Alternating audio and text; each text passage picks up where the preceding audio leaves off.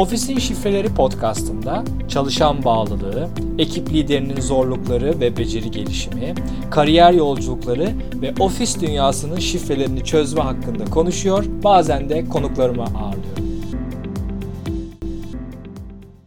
Merhaba, Ofisin Şifreleri podcastinde bu bölümde bir konuğum var. Doruk Cansev.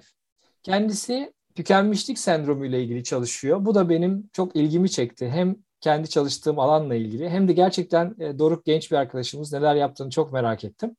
O yüzden kendisini konuk almak istedim ve şimdi e, onunla beraber tükenmişlik sendromu ve bağlılık bu konular etrafında bir sohbet gerçekleştireceğiz. Hoş geldin Doruk. E, hoş bulduk Bertay. Çok teşekkürler. Keyifle bekliyordum bu seansı. Şimdi şununla başlamak istiyorum. Benim için gerçekten merak ederek sorduğum sorular bunlar. Tükenmişlik sendromu nedir? Nasıl anlayabiliriz? Nasıl tanımlayabiliriz? Sence bugünkü iş dünyasında nasıl bir önemi ve yeri var? Ya çoğumuzun lügatına tabii oyuncularla girdi. İşte Meryem Üzerli olsun, galiba Dağhan Küregeç de geçirdi. Gazetelerde manşetler oldu magazinsel. Şu şekilde tanımlıyorum. Uzun süreli veya yoğun stresin ve iş yükünün yarattığı mental, fiziksel veya duygusal tükenmişlik, burnout'un karşılığı bu. Ee, ve çok da yaygın bir şey. Yani millennial neslinde mevcut rolünde en az bir kere geçirme oranı yüzde 84'lere falan gelmiş. Ee, global metrikler bunlar tabii ama e, pandemiyle birlikte artış trendi var. Başka bir sürü tabii ki stres olsun, ekonomik, dünyanın belirsizlik durumları olsun. Bunların hepsi insanların üstüne sürekli fazladan yük oluşturuyor. E, bu da insanlarda hem motivasyon kaybı, hem performanslarına yansıması, hem genel hayatla ilgili mutluluk, tatmin, well-being dediğimiz konularda ve tabii çalışan bağlılığı konusunda da çok negatif yansımalar yapıyor. O yüzden ben de burada bir ihtiyacı çok net şekilde görünce bu alana yöneldim ve şu anda bu alanda çalışıyorum. Çok güzel, harika. Sen konuşurken aklıma sorular geliyor. Bu pandemiyle beraber uzaktan çalışma veya hibrit çalışma düzeni ortaya çıktı. Birçok firma aniden buraya geçtiler mecburiyetten. Daha önce yapmadıkları şekilde. Ve sonra pandeminin sonrasında da ya aslında bunun bazı avantajları da varmış deyip böyle hibrit ara çözümler aslında buluyorlar. Çalışanlarıyla da konuşuyorlar, görüşler alıyorlar. Senin yaptığın çalışmalara ve son dönemdeki e, gelişmelere büyük ihtimalle dünyadan da takip ediyorsun. Pandemideki bu uzaktan çalışmanın bu burnout, tükenmişlik sendromu konusunda nasıl bir etkisi, nasıl bir katkısı oldu acaba? Ya farklı profiller var. Şimdi bir integrator sen de biliyorsundur, separator. E, bunlar tamamen çalışma alışkanlığı ve önceliklendirmesi olarak iş ile kendi hayatlarını ne kadar entegre etmek istediklerini gösteriyor insanların. Hmm. Şimdi bir integrator ile bir separator'ın e, home office şeyde aynı olmuyor beklentisi. O da ekip içinde özellikle farklı kademelerde ve farklı nesillerde de bunların split'i farklı olduğu için friction oluşturabiliyor. O yüzden bence senin söylediğin e, şirketin kendi çalışanlarını dinlemesi en doğrusu. Hmm. E, ama tabii ki home office çalışıyor olmak e, bir özgürlük getirirken bir yandan insanlardan uzaklaşmayı da getiriyor ve burnout'un şimdi konuşuruz zaten üç boyutu var. Hmm. Bu boyutlardan biri de depersonalization. İnsanlara karşı oluşan bir çeşit mesafe. Hmm. E, kendini de insanları da obje olarak, fonksiyon olarak görmeye başlamak bir bireyin ötesinde. O yüzden o Zoom'da sadece bir yüz hatta bazen yüz bile olmuyor. Sadece bir isme bakarak konuşmak günlerce, haftalarca, aylarca hatta iki yılca. Ee, insanlarda o boyutu da çok ciddi etkileyebiliyor. Yalnız hissettirebiliyor. O yüzden bu şekilde de tetikliyor. E tabii burnout şimdi şeyi de konuşuruz. Nasıl yönetilir? Hı hı. Burada sınırları çizmeyi bilmek çok önemli ve o ofis içinde bazı sınırları çizebiliyorken ev içinde o sınırlar belirsizleşebiliyor. Hmm. Burada farkındalığı yüksek olmayan insanlar çok doğal olarak kendini günün akışında her şeye yetişmeye çalışıp hiçbir şeye yetişemiyormuş hissine kapılmış buluyorlar. Bu da tüketen en büyük faktörlerden biri. Hmm. Biz de e, Engage Grow'un çalışan bağlı programları ile ilgili ön konuşmaları yaparken ben eğitimlerimde de bahsediyorum. Benim için çok değerli bir konu tam ondan bahsettin.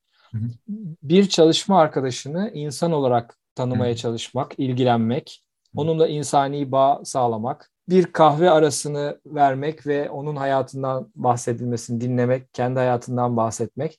Bunlar gerçekten o insani bağ son derece kıymetli ve e, güzel bir şekilde, enteresan bir şekilde bunun tükenmişlik sendromunun üçgeninin bir, bir tarafı olduğunu söylüyorsun. Çok enteresan. Peki şöyle devam etmek istiyorum. Tükenmişlik sendromuna yakın olduğunu bir çalışan nasıl anlayabilir, nasıl fark edebilir?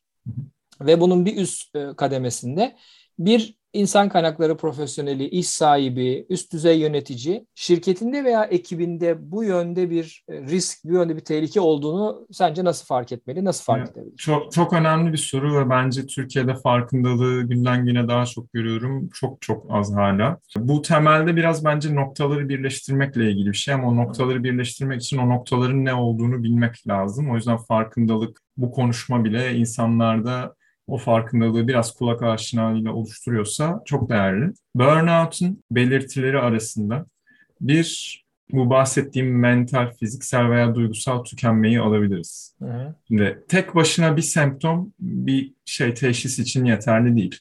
Ee, yorgun hissediyorum. Okey bir sürü sebebi olabilir.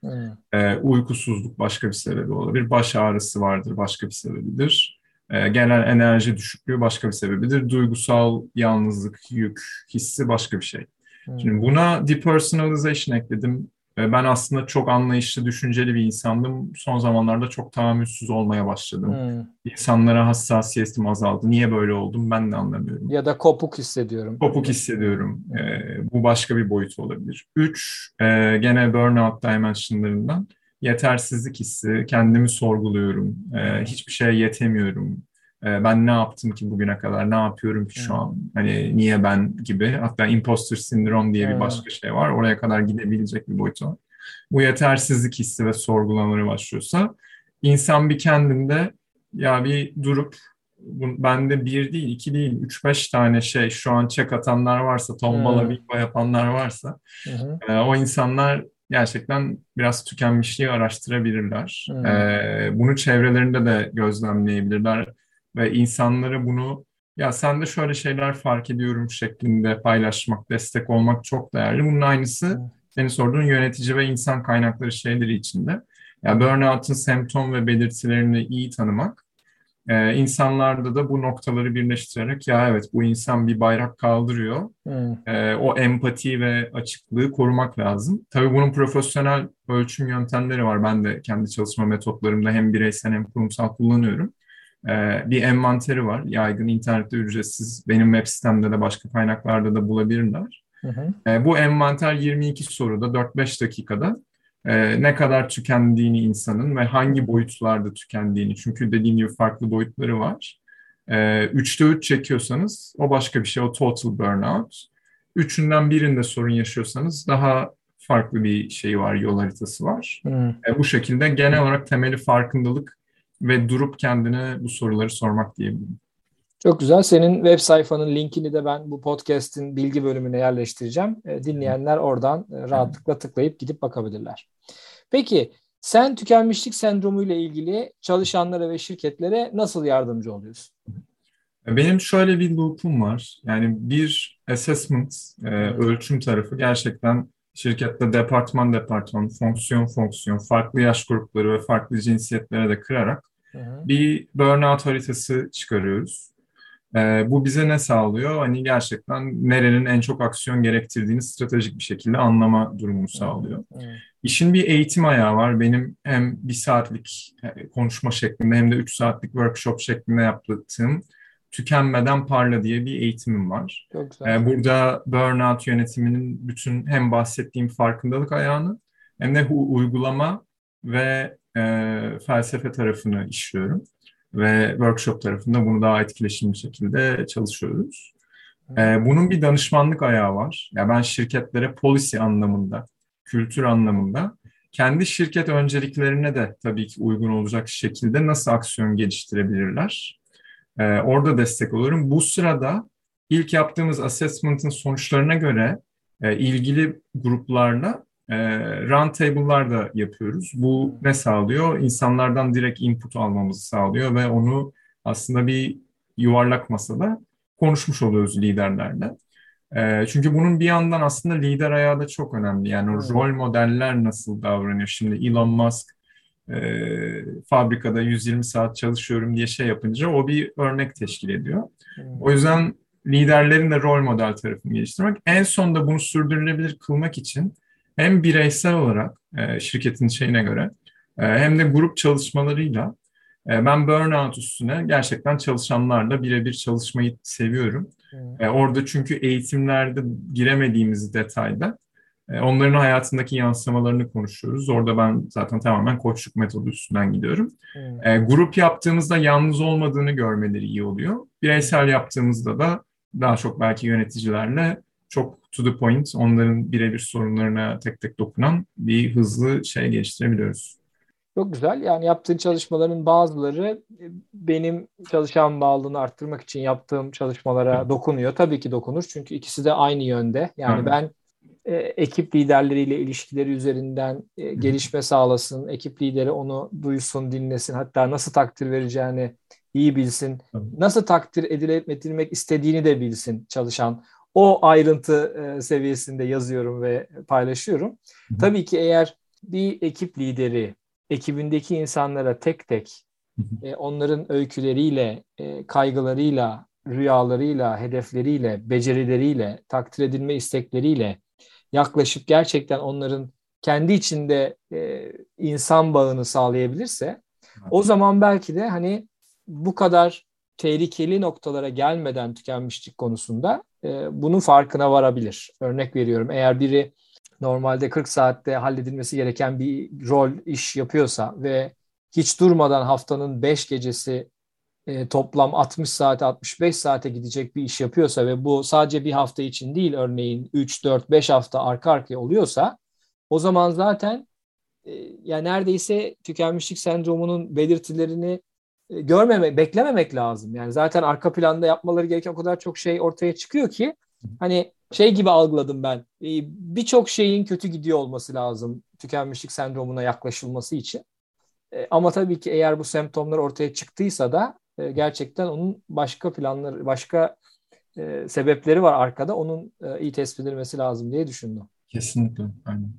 Bundan sonra ne yapmak istersin, ne yapıyorsun ya da bundan sonra e, şirketlere bu konuda belki e, ne önermek isterdin, ne söylemek isterdin? Benim yani şöyle tükenmişlik şu an çok odaklandığım bir şey ve Türkiye'de bunun farkındalığının bayrağını taşımak istediğim bir şey. Ama tek koçluk ve danışmanlık ve genel insan potansiyeliyle ilgili şeyim bu değil. Hı hı. Ee, ben kendime biçtiğim misyon gerçekten insanların kendi potansiyeline ulaşmalarına destek olmanın yollarını bulmak veya yaratmak. Çünkü ben hem meraklı bir insanım hem yaratıcı bir insanım. O yüzden bir yolu varsa öğreneyim yoksa da ben yaratayım tarafındayım. Çok güzel. Ee, ben bunu burnout'tan başladım çünkü burada yanan bir şey var ve sevdiğim bir Çin atasözü var. Evin yanıyorsa balığa gitme diyor. Hmm. O yüzden önce yangını bir söndürmeye çalışıyorum. Hmm. Yani ama yangın aşamasını geçtiğim şirketlerle e, daha kapsayıcı, e, insanların gerçekten bütün ihtiyaçlarına, gelişim ihtiyaçlarına da hayatla ilgili beklentilerine de cevap veren e, aslında şirket doktoru vardır ya neden evet. şirket koçu olmasın? Evet. E, ben insana değer veren şirketlerle birlikte yürüyüp e, onların bütün ekibini, bütün çalışanlarını, yöneticilerini e, yukarı çekmek istiyorum. E, şu an benim kendime çizdiğim yol ve bunu global ölçekte yapmak istiyorum. Evet. Çünkü ben şu an Türkiye'de dijital göçebe hayatı yaşıyorum. E, şehirler arası mekik okuyarak. E, bunu ben global ölçekte yapmak hmm. istiyorum. Meksika mı olur, e, Japonya mı olur, oradan Yeni Zelanda mı? E, böyle bir şeyim var ve burada farklı şirketlerle, farklı ülkelerle, lokasyon bağımsız tabii teknolojinin getirdiği, Covid'in getirdiği imkanları kullanarak e, sürdürmek istiyorum. E, tüm hayalim bu yönde. Çok güzel bir dünya vatandaşıyla da sohbet etmiş olduk bu şekilde. E, ne kadar güzel bütün bu e, ürün ve hizmetlerle ilgili daha e, geniş düşünen, daha farklı kategoriler, farklı kültürler ve dillerde de e, insanlara, şirketlere yardımcı olmak isteyen e, bir arkadaşımız. Çünkü şey bence çok basit. Hı, yani hı. E, bir yerimiz ağrıdığında doktora gidiyoruz. Gerçekten sen de biliyorsun. Hı. Sorun varsa bir şirkette bununla ilgili danışmanlık almak ya da birey bir sorun yaşıyorsa bununla ilgili koçluk. E, koçluğun alanı dışında bir şeyse başka bir şekilde terapi almak. Yani şirket Hı. terapisti de bence mesela Hı. E, yurt dışında zaten başlayan Türkiye'de de başlaması gereken bir şey. Hı e, insanların üstünü kapatıp yok saymaya çalıştığı sorunlar aslında çok rahat çözülebilen şeyler. Hmm. Ona intentional şekilde hmm.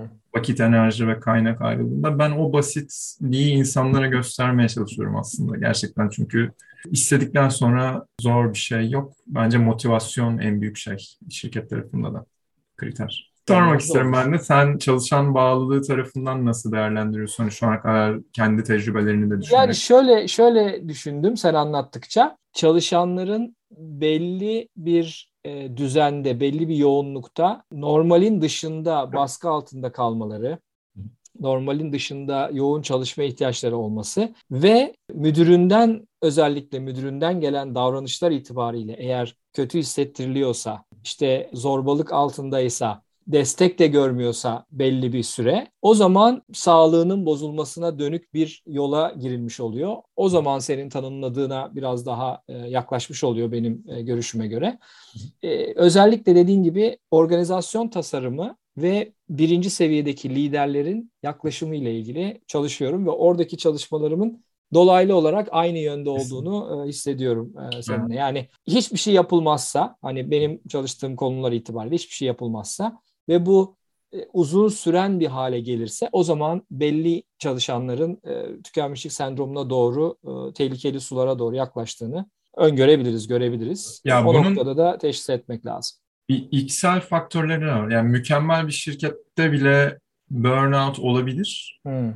Ama e, burada ne kadar zayıf halka varsa şirketin sistemsel ve kültürel yapısında hmm, hmm. bu bir epidemiye dönüşebiliyor. Yani biz çok pandemiyle aşırı neşir ama bu da bir epidemik aslında kurumu yayıldığında da alttan alta hem kültürünün altını boşaltan hem de yangın gibi yayılan bir şey. Burnout o yüzden kibritle çok şey e, temsil edilir. O kibrit çakıldığında ve söndürülmediğinde dediğin gibi çok tehlikeli.